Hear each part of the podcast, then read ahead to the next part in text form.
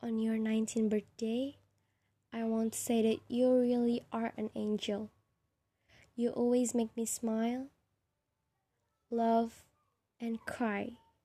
You make my day very colorful.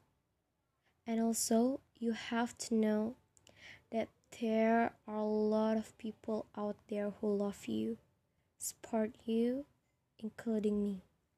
Hope you are always happy, so I'll be happy too. I purple you.